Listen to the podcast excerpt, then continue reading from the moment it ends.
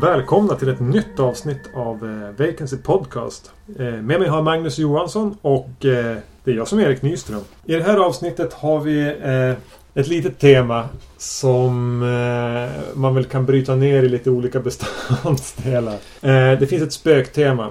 Det finns en annan sa sammanlänkande eh, faktor som jag tror att vi inte ska nämna för det blir en liten spoiler i, i det ena fallet. Men även så förekommer det i båda filmerna ett objekt Mm. som slängs i vatten och mot alla odds omedelbart återvänder till huvudpersonen. Mm. Eh, och så hittar vi en till länk medan vi såg de här och det är att huvudpersonerna i sig heter John också. Och nu har förstås alla redan förstått exakt vilka två filmer det här är.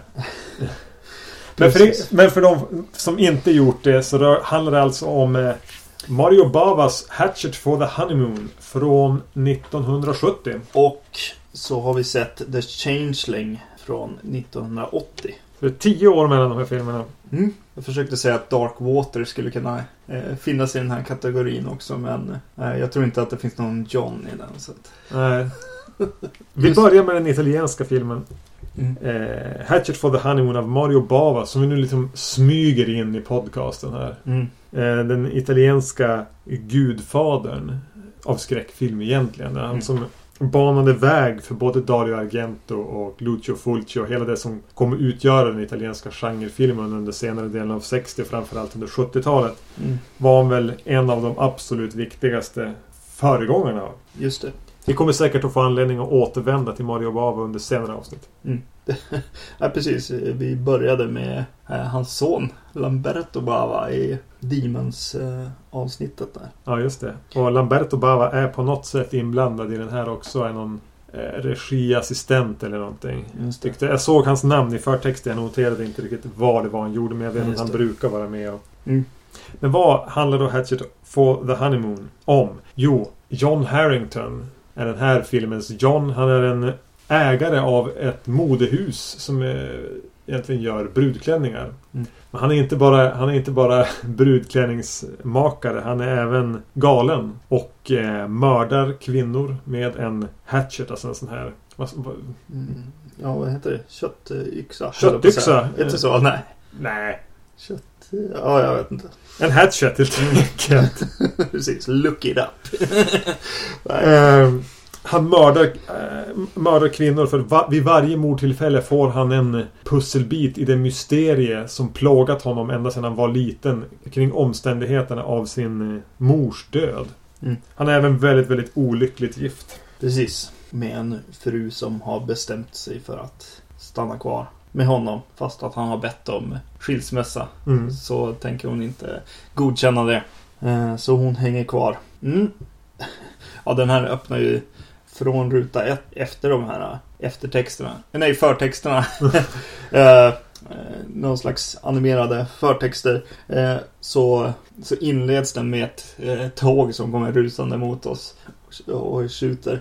Eh, Och där är det en väldigt ja, visuellt slående scen där en man är inne i tåget i korridoren och går mot en, en, ett, ett barn. Mm. Som står och tittar ut genom fönstret. på Ja, tåget. precis. Och eh, de klipper från att följa mannen bak, eh, bakom eh, ryggen på honom till en första persons kamera och så tillbaks. Mm. Och så fram igen. Jag tycker det var väldigt slående och så fortsätter det ju genom hela filmen. Det är ju en väldigt, väldigt eh, ja, experimentell liksom visuell upplevelse på något sätt. Den här Mm. filmen.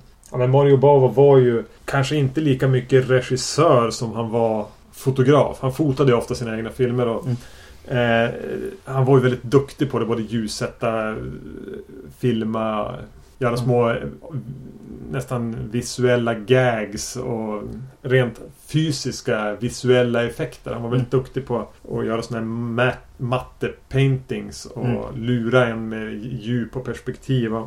Han har ju verkligen lekstuga här. Ja, precis. Han gör något annat, något litet visuell idé som bara visar hur tekniskt skicklig han är med, med en kamera. när eh, John här sitter och, och pratar med sin fru vid frukostbordet utomhus. Så tar han upp en kikare och sitter och kikar, vänder på den. Mm. Och tittar på, på henne genom så att hon blir krympt. Mm. Och då tittar hon som bara på honom och säger sluta med det där. Och då i samma tagning så tar han bara bort kikaren Ja. från kameralinsen. Mm. Och då sitter hon bakom, bakom den. Så att det är inget, det är inget fusk. Alltså. Han, Nej. har, han har fotat henne rakt igenom en, någon form av modifierad kikare antar jag. Ja, precis. Men, men ja, både i det fallet och i det här tågfallet så känns det som att eh, man får se in i karaktären också på något sätt. Eh, han använder det inte bara som liksom så här gos. Någonting kul, kul att göra liksom. Utan han, han sitter ju faktiskt där, eh, John, och i hans huvud försöker han förminska henne. Eller bli av nästan. Ja, precis. Eh, krympa den här väldigt eh, ja, kraftfulla fr- frun som han har. Tycker väldigt illa om. Ja. Eh, vi får ganska, det börjar med en scen på ett tåg här. Det klipps ganska, det är ganska psykedeliskt. Mm. Eh, använder lite a- ur fokus, bilden wobblar lite grann. Det kommer färger, påträngande musik. Det blir en väldigt psykedelisk, flummig känsla. Mm. Och det fortsätter ju. Det är några, några olika musikloopar som kommer tillbaks. Mm. Någon liten eh, klassisk eh, svepande stråkgrej. Det kommer Mm. någonting med någon ganska arg gitarr. Mm. Bryter av varandra, hackar av varandra musiken. Och det blir nästan, det blir nästan musikvideo. Ja, jo det blir det ju. Och det blir väldigt, ja precis, väldigt mycket så här, titta vad jag kan Ja, grejer. Men det är ju så skickligt tycker jag ändå. Så att eh, man blir inte less på det som, att, som man kan bli med eh, ja, Fincher till exempel. När han ska, ska liksom göra saker bara för att göra dem. mm. Ja, jag vet inte. Jag köper det mycket mer här. Och, och vill, vill ha mer egentligen. För att den här historien är inte så himla intressant. Nej. Utan eh, eh, det handlar ju om att visa vart skåpet ska stå. Eh, Både ja, men visuellt och liksom hand, eh, hantverksmässigt. Ja. Liksom. Jo, den är ju verkligen en, en, en, eh, ett arbetsprov. Mm.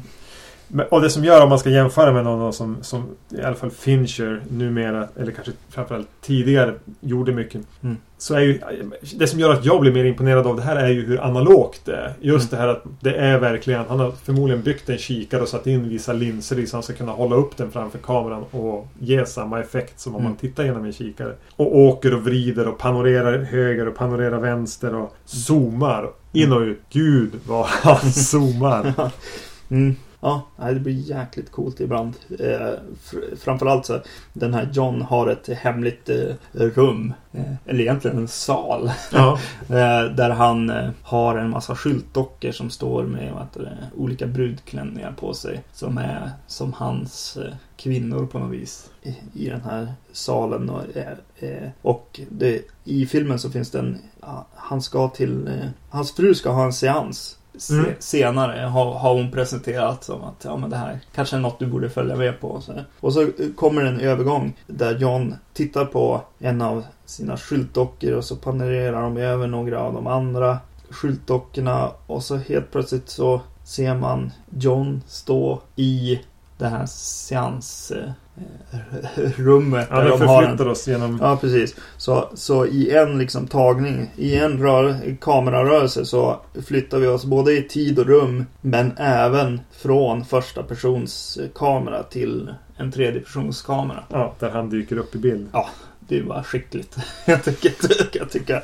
Eh, mm. Eh, nej, men det är mycket, så här, mycket som är väldigt koreograferat också. Mm. Nästan alla karaktärers rörelser är ju... Det ska passa in i den här Mm. fotosessionen som den här filmen är. Så blir det ju nästan lite ballett över, över Mm. hur alla rör sig och så ska kameran zooma ut. Vi klipper, byter dit, kameran panorerar, de rör sig lite grann ditåt. Det blir, Ja. det, blir, ja, men det blir som en slags ballett. Det är väldigt sällan någonting som känns naturligt eller realistiskt. Allting är väldigt utstuderat. Precis. På, på, som sagt, det ser, ju, det ser ju häftigt ut. Mm. Men det blir ju lite ansträngt också Mm. i, i längden. Och de här är ju väldigt mycket i scener utan dialog. Mm. När det kommer en dialogscen då blir det klassisk Ja. dialogscen ofta. Eh, förutom en tillfälle där, det, där den här som du säger, balletten kommer in på något vis. Eh, han, han, eh, John blir, är på en sån här eh, catwalk-visning av, eh, av de här klänningarna med en massa kvinnor som går fram och tillbaka. Så en av kvinnorna har han startat någon slags relation med. eh, Ja. Eller ett intresse av. Eller de är intresserade av varandra helt enkelt. Och eh, då blir han flyttad, flyttad iväg åt sidan med en polis som, i, som liksom är där och försöker han, tror ju att det är John som, är, som mördar de här kvinnorna. Mm. Eh, Så de står och pratar och mitt just när polisen får ordet så möts, möter eh, den här kvinnan som kommer gående i, i catwalk liksom rundan så att säga. Och eh, John och hon, och hon möter varandra med blicken. Som kändes också väldigt så här. Oj, vilken ta- intimad liksom eh, grej. Det var helt... det var lite sjukt. Eh, Det, det är egentligen ganska lite dialog och när den kommer är som du säger den lite mekaniska. Men han pratar ju en del med sig själv också. Mm. Han, eh, bland de första replikerna i filmen är väl egentligen en, en voice-over när han står och pratar framför spegeln och rakar sig och säger att ja, jag heter John och jag är galen. Mm. Ja, precis. Eh, man, man, man, man hajar till lite grann. Mm. Eller vad tyckte du om hans monologer? Ja, man, man är ju alltid lite rädd med voiceover. Det känns också eh, oftast som att de inte lyckades få in det i något annat Ja. sammanhang på något sätt. Den här lata genvägen. Men just den här framför spegeln om att han eh, mördar folk. Mm. Eh, och när det har med rakning att göra, det är helt... det är eh, jättekonstigt för jag har gått och sett en scen i mitt huvud på hur man skulle kunna öppna en, en eh, film någon gång. Och eh, nu har jag ju sett den här filmen förr. Mm. Men hade inget minne av det här och vet inte när min liksom, scen skapades. Men, men den är i princip identisk med den här eh, scenen. Så jag, så jag blev med, med voiceover och allt. Eh, ja, precis. Vad var stal din idé? Ah, ja, men, Eller kopierade du Bava utan att veta om det ja, kanske? precis. Ja, det, var, det var roligt att den ko- kom. Så för mig så blev det ju mer det att så här, jaha, har jag fått det härifrån eller tvärtom? Eh, inte tvärtom förstås, men har fått det härifrån eller, eller har jag skapat samma, samma tankegång? Jag, jag vet inte, jag tycker det funkar lite grann ändå. Eh, man tänker på, eh, vad heter den? American, eh, American Psycho. Mm. Eh, gör ju liknande grejer. Definitivt. Och, och här medan han berättar om saker så gör han massa... eh, Han hittar en, eh, en fluga i ett vattenglas Mm. och börjar prata om, eh, om den och Ja, om de- så här, men oj varför är du i vattenglaset och bla bla bla och hur du är liten och Ja men Menlös. döden och livets meningslöshet och...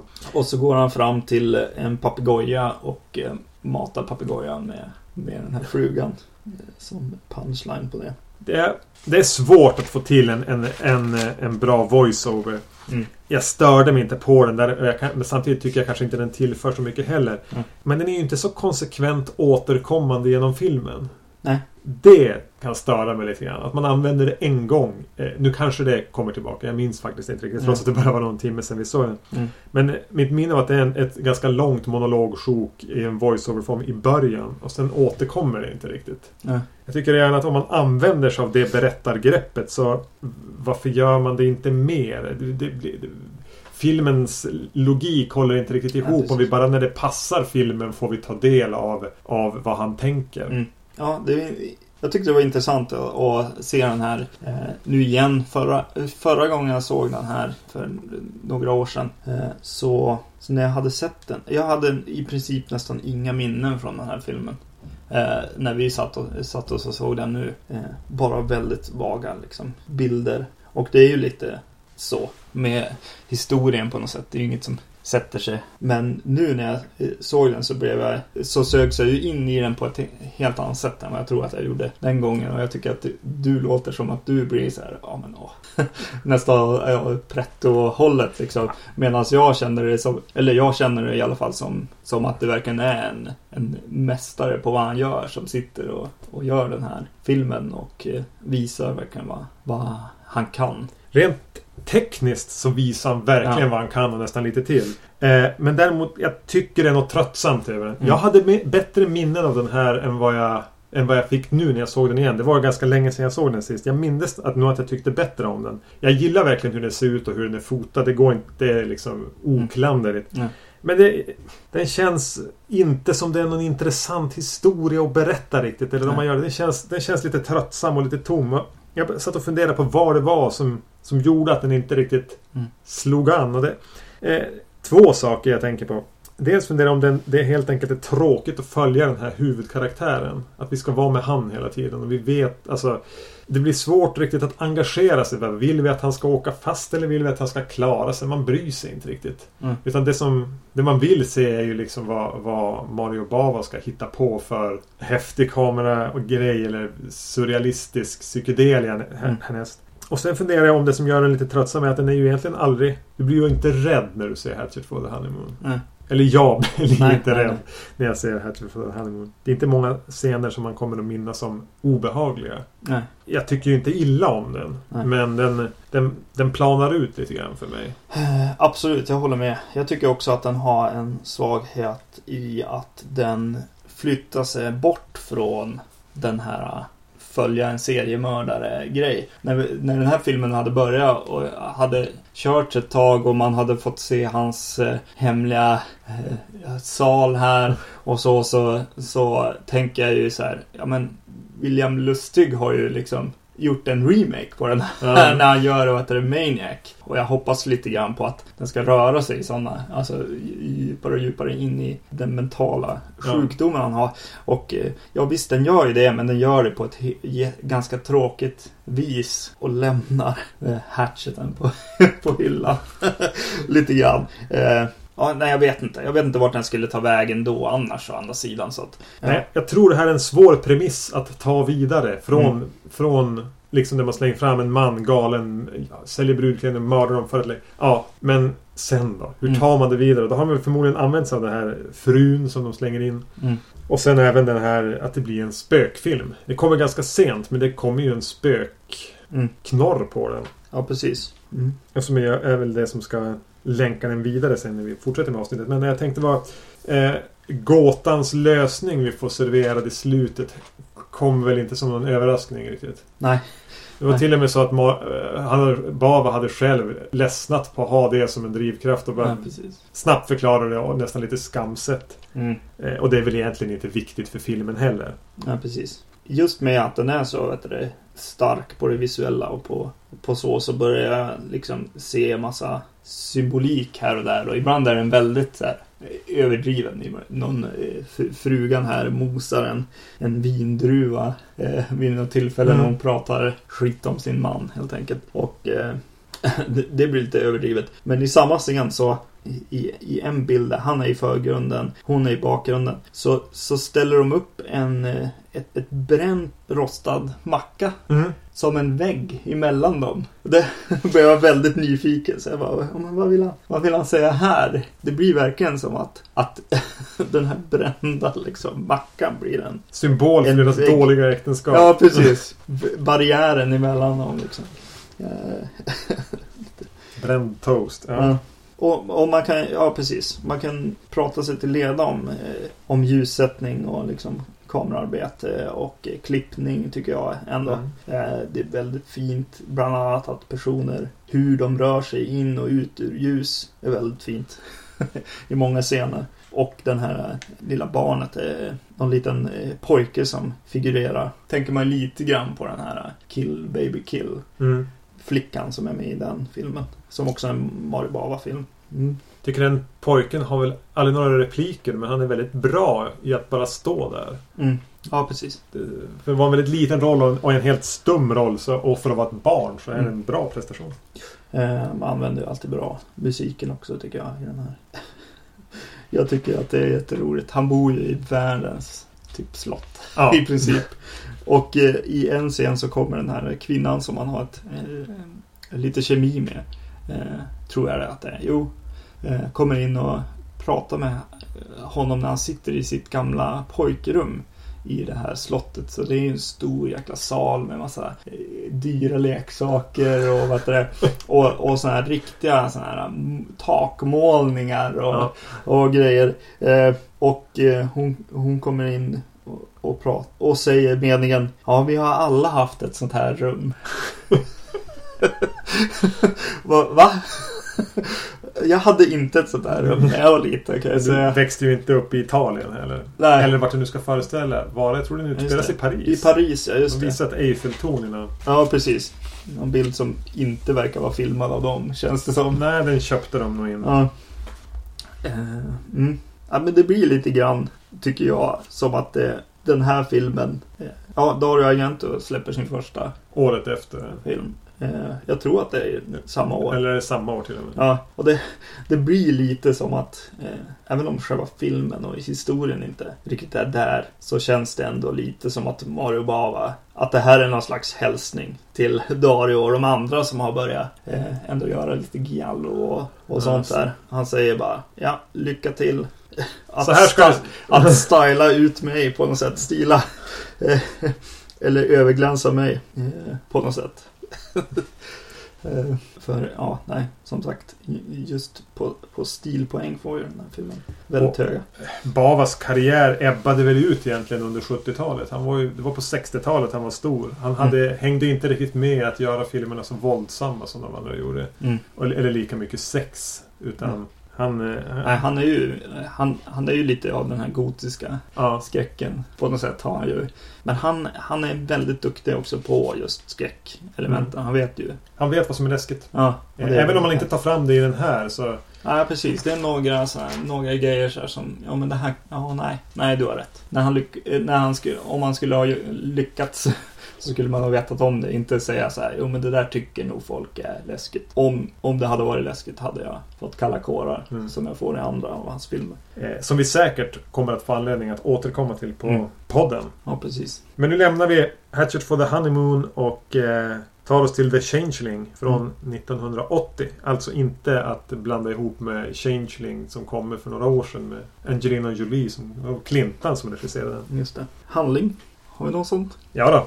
John Ja. heter våran huvudkaraktär. Förlorar fru och barn i en trafikolycka. Eh, han eh, blir naturligtvis förkrossad av sorg. Eh, byter, sä- säljer sin lägenhet, flyttar till Seattle för att ta ett jobb. Han är musiker som professor och undervisar i klassisk musik och även komponera. Ja, precis. Så eh, hyr han ett stort gammalt gods eh, med hjälp av universitetet antar jag. Ja, precis. Han eh, flyttar in där och upptäcker väl ganska snabbt att det verkar spöka. För han hör ljud, han hör musik. Han, Ja, precis. han in, upptäcker att det finns en mörk historia hos någon av de tidigare invånarna i huset. Eller vad? Invånarna? Nej.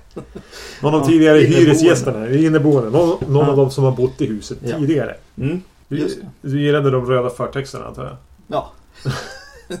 ja. Den är regisserad eh, av Peter Medak. Mm. En ungersk regissör. han är född i Ungern. Mm. Men han har mest arbetat i Hollywood. Mm. Gjort väldigt mycket TV och gjort några filmer med jämna mellanrum. Han Mm. har regisserat ganska eh, fortfarande TV-serier. Han har gjort något avsnitt av The Wire och Just det. är någon annan TV-serie jag har sett. Jag läst. Han var, gjorde något av avsnitten i Masters of Horror. Mm. Ja, man kan se hans namn som avsnittsregissör. Just det. Eh, och han är väl inte, till skillnad från Mario Bava, så är han väl inte den här stora visuella virtuosen direkt.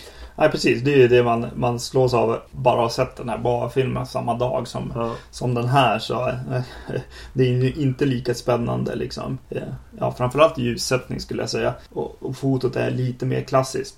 Men kameran i, i den här filmen vill ju alltid röra på sig. På något sätt i Mm. varje, varje klipp. Om den bara börjar med en liten åkning och sen stannar den. Och scenen kan utspela, eh, utspela sig liksom. Och, och den rör sig verkligen ojämnt genom filmen och, och provar nya liksom, sätt att röra sig på vilket skapar en ganska o, o, olust, heter det så? Eh, Obehag i, i, i kroppen när man inte riktigt vet vart, eh, vart kameran kommer att eh, ta vägen i vissa fall. Så, så rent så här, eh, vad ska man säga, spänningsmässigt så, så arbetar den ju väldigt visuellt på något vis. Liksom. Ja, den är ju inte förutsägbar Nej. rent visuellt. Men den är ju inte... Det är, är inte så att man hajar till av fotot. Det känns Ja. ofta, eller ganska...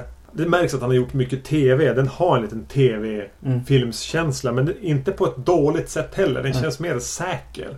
Eh, och, och som du säger, den, den, den bjuder på några åkningar för att ändå ge den här... Mm. Jag vet inte om det är något han har avsiktligt valt att göra de här åkningarna för att distansera sig från. För han hade även innan den här, på, redan på 70-talet, gjort en del, jobbat en del inom TV. Mm. Det låter lite som att den arbetar ganska undermedvetet med det här kameraarbetet. Eh, Jag satt nämligen genom hela filmen egentligen och tänkte på den här. Hur kameraarbetet pågick och eh, det måste ha varit otroligt jobbigt att sätta upp räls eller om de har, ja de kanske har steadicam och, och, och då kan man Ja. förstå att varenda jäkla grej kan, kan ha en liten fnurr på sig liksom. tycker det var många ganska tydliga steadicam Mm. eh, åkningar.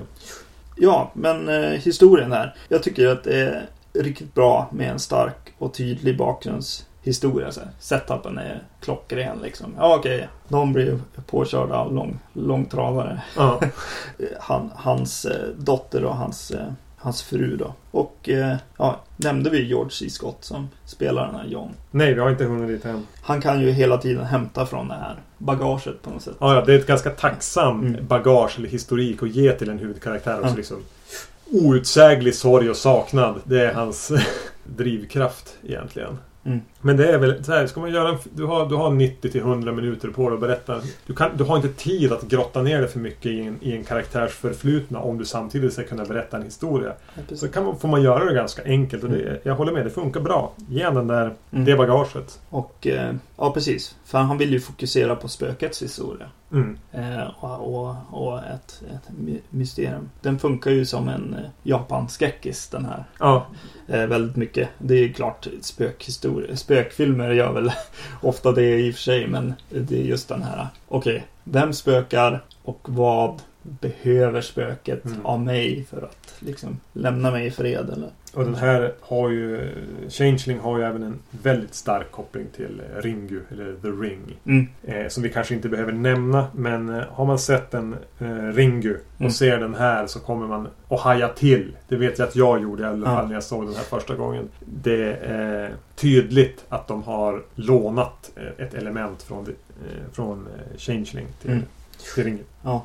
Men det känns som att vi borde ändå uppehålla oss ett tag vid George C. Scott. Mm. För det förtjänar han.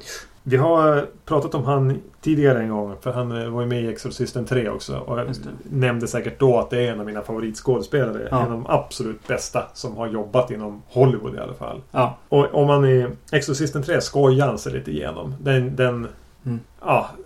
Lite, lite på en höft. Ja. Så skojar han sig ju inte riktigt igenom den här Nej. på samma sätt. Även om det, man får som känslan att det är ganska lätt för han. Mm. Han, han, kan, han har fullt med knappar och reglage inne där han kan slå på känslor och vrida upp och vrida ner. Så han är otroligt säker skådespelare. Och Mm. agerar med hela kroppen. Eh, Han kan se rödgråten ut, han kan se arg ut och då ser han arg ut i håret. Eller Ja. han ser ledsen ut i håret.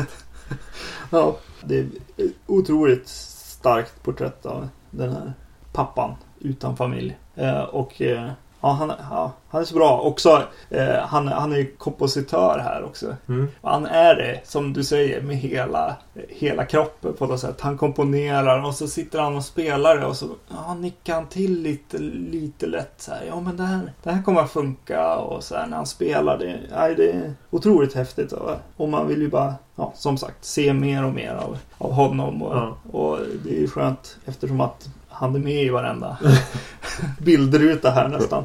Det slutar väl på något sätt med en ganska standard så här, spökhistoria. Men just eh, eh hans skådespeleri framför allt. Musiken gör väldigt mycket. Kamerans eh, ständiga rörelse tycker jag förhöjer det här väldigt, väldigt mycket också. Och skapar någonting väldigt, väldigt speciellt med den här filmen. Det jag tycker ändå är värt att nämna, den är, så, den är, så, den är återhållsam. Mm. Den, den håller tillbaka och underspelar ju nästan alla scares. Ja. Framförallt i, i början. Mm. Så är det inte någon, han stänger aldrig badrumsskåpet och så står det en, en bl, ett blött spöke i, i dörröppningen in till toan. Eller, och så tittar han sig om så här, inte, det är ing, inga, inga av dem, ingenting av de där man har sett förut. Eller jo, det har man ju. Mm. Men de vräker inte på med de här dunder... eh, Det är inte muskelspökerier precis. direkt. Utan det, är- det är Nej. väldigt försiktigt. Eh, Men det blir ju otroligt krypande eh, känslan man får i kroppen. När man, ja, ja jag bara, jag, jag hoppar in i några av de här sekvenserna som, som fick mig att liksom haja till. Bara som koncept i och för sig. När han, han sitter och komponerar en melodi som, som börjar kännas lite så här som en barnvisa på något vis. Mm. Eh, han har komponerat en, en slags barnvisa. Eh, senare i ett rum i, i, i huset, i ett dammigt gammalt rum, så hittar han en speldosa, sätter igång den och så spelar han samma melodi. Det är en väldigt, väldigt obehaglig tanke i alla fall. Mm. Sen att, sen kanske det inte blir så här oh, jätteruskigt i, i kroppen, men det, det är en, en smart eh, tanke tycker jag, i alla fall på koncept, alltså manusnivå. Mm. Sen finns det en riktigt jobbig scen där ja, ett av de här föremålen som försvinner i, i filmerna som vi nämnde eh, är en, är en eh, boll som hans eh, dotter ägde. Ja, som var en av hennes leksaker när hon Precis. Den kommer, han sitter och tittar på bilder på sin fru och dotter och börjar känna sig ganska glad över minnena att han ändå har haft de här människorna runt sig. Och då, då klipper de till en att vet du, det, studsar ner den här bollen kommer nedstudsande från trappen. Och eh, när han går fram, tar, eh, tittar på bollen, eh, så filmar de honom underifrån och visar räcket uppe till övervåningen. Och när jag tittar, när jag ser den här filmen så, så har de liksom framat bilden så att jag är helt övertygad om att det står någon där bakom honom och tittar på honom. Men det är ju ingen där, det är ju någon osynlig person. Ja. Men jag är helt övertygad om att det, det står någon där. Liksom. Det är väldigt häftigt gjort. Väldigt obehagligt. Eh, och eh, en annan scen eh, efter seansen så... Eh, Det är en finns seans i den här filmen också. Ja, det finns en seans eh, scen. Han tar, han tar dit en, eh, ett eh, medium. Eh, och så finns det en, en seansscen som, som också funkar som seansscen tycker jag. De har ett Mm. roligt grepp med att eh, hon mediumet eh, håller på att eh, Hon skriver. skriver på På- papper och så har hon med sig en assistent som tar, eh, drar bort eh, nya papper hela tiden. Så ibland så, svarar, så rör spöket på hennes hand och skriver saker. Som yes och no och svar på frågor som de har. Så. Mm. Men efter den här seansscenen så sätter sig John för att eh, lyssna igenom inspelningen. Och redan innan han trycker på play så, så vill jag av, av hela mitt hjärta att han inte ska trycka på knappen. Eh, jag är eh, svin eh, rädd. Och sen, eh, ja, sen följer ju bara obehag också genom den scenen. Och, ja, precis. Och så sen staplas det på ännu en till när en, en eh, väninna, eller vad man ska säga till honom, eh, har dykt upp och ser någonting. Ja, det är jätte, jätte obehagligt. Åh, det, allt hår på kroppen stod upp när jag såg. Hon backar liksom ur och man bara ser att hon stelnar till och tittar på någonting och han ser ju det så han går dit. Ja. Det är ju värst fram till det de faktiskt Ja, det visas vad det är. ja. Men ändå då också, eh, trots att, ja precis, det är ofta då saker faller Mm. samman på något sätt. Men jag, jag tycker ändå att det Ja, ja, det funkar fungerar. hur bra som helst. Musik, kamerarbetet och skådespeleriet. Hon gör också ett fantastiskt jobb eh, i den här filmen. Hon, hon, ja, hon har ett väldigt intressant sätt att, att förhålla sig till allt det här. Ja. Hon är inte rolig några scener. Eller sättet Ja. hon agerar på lite roligt. Mm. Det är, det är, du som är rädd, rädd för spöken. Som du, Ja, precis. det fungerar på dig här. Ja, absolut. Ja. Eh, jag tycker den är jätteobehaglig eh, i många scener. Jag blir inte lika rädd som, Nej. som du. Jag, jag, blir, jag är inte lika rädd för spöken som du är. Eh, jag ser den mer, kan mer se den liksom, alltså, nästan, nästan kliniskt. Jag blir inte lika Mm. känslomässigt rädd. Utan jag, alltså Mm. mer eh, tekniskt. Alltså att, att den är smart och att Mm. den, är, eh, den är en bra film. Mm. Jag kan nästan tycka att den blir lite, nästan lite väl sval. Ja. Eh, ibland, men det kan bero på gång, mellan gångerna jag ser den. Jag har sett den här ett par gånger. Men en scen, en scen som jag minns starkast från det jag har sett den de tidigare gångerna och en scen som alltid funkar. För mig, det är en... Eh, ett, ett återkommande ljud av nå- något som låter som slag eller ett Mm. bankande ljud som eh, eh, dyker upp på morgonen. Mm. Och här är en andra gången det så vaknar George C. Scott. Eller han, han vaknar väl egentligen av att han gråter och ligger och gråter Mm. i sängen. Sörjer sin, sin fru och sitt barn. Och blir avbruten mitt i liksom sin sorg av ett spökljud. Det är Mm. någonting med det. Att han måste som sluta gråta för att nu Ja. ska han bli rädd också. Det, det är någonting som blir väldigt, väldigt starkt i det för mig. Mm. Ja, precis. Det jag hade lite svårt att skilja på. Alltså det, dels sitter ju han och spelar musik ibland. Ibland är det musik på soundtracket. Mm. Och ibland är det spökljud Ja. som låter som musik. Det var väldigt svårt att skilja på. Ibland tänker man gud, han hör filmmusiken. Mm. Eller ibland tänker man, är det där ett ljud eller är det musik? Mm. Det var svårt att... Det är förmodligen ett medvetet grepp. Ja. Man blir väldigt osäker själv på... Ja. ja, precis. Men den använder ju helt vanliga liksom spökgrejer också. Så här, sakta zoom ner för någon trapp. Och, ja, ja, ja, jag tycker att det funkar. Eh, faktiskt, jag tycker att... Eh, ja, en riktigt bra spökfilm tycker jag. Och han är ju väldigt bra. Jag, jag skrev upp här att jag, angående George C. Scott. Eh, just att Exorcisten 3. Som kunde vara en ganska medioker liksom, film på något sätt. Konstig uppföljare egentligen. Ja, väldigt konstigt. Eh, och, och, och ändå tycker jag att den är rikt, en riktigt bra. Jag tycker ja, sjukt mycket om den filmen. Trots liksom svagheterna. Och, och jag tänker också på att Dr. Strangelove är en av mina favoritkomedier. Och kanske min favorit Kubrick-film. Ja. Och så sen The Changeling som ja, är en av de bästa spökfilmerna jag sett. Så då började jag tänka att vad har han för magiska krafter? George C. Scott. Har du sett Patton då? Nej, jag har inte gjort det. Och där vann han ju Oscar. Det Ja. var en Oscar för. ja, jag vet inte om jag... Ja, precis. Ja, Du ska nog kanske passa dig för det. Ja, precis. Jag ska inte se mer. Du kommer börja köpa stridsvagnar och... Precis.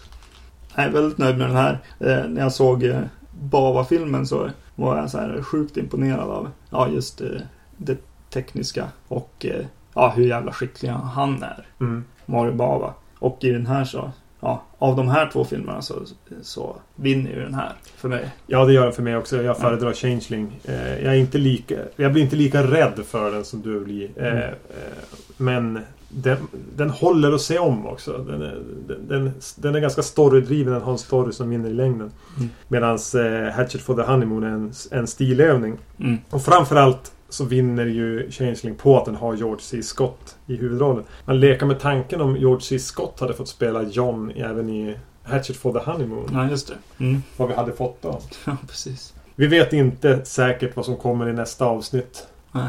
Eh, Vi, vi har pratat fram och tillbaka och vi ångrar oss eh, hela tiden. Så Mm. det är bäst att vi inte säger någonting så vi fortfarande kan ändra oss några gånger till. Mm. Men eh, tills dess så... Om inte du hade någonting du ville avrunda med? Nej. Nej. Ja. Ja, då är det hej då som gäller. Ja, precis. Hej då. Ha det bra. Hej.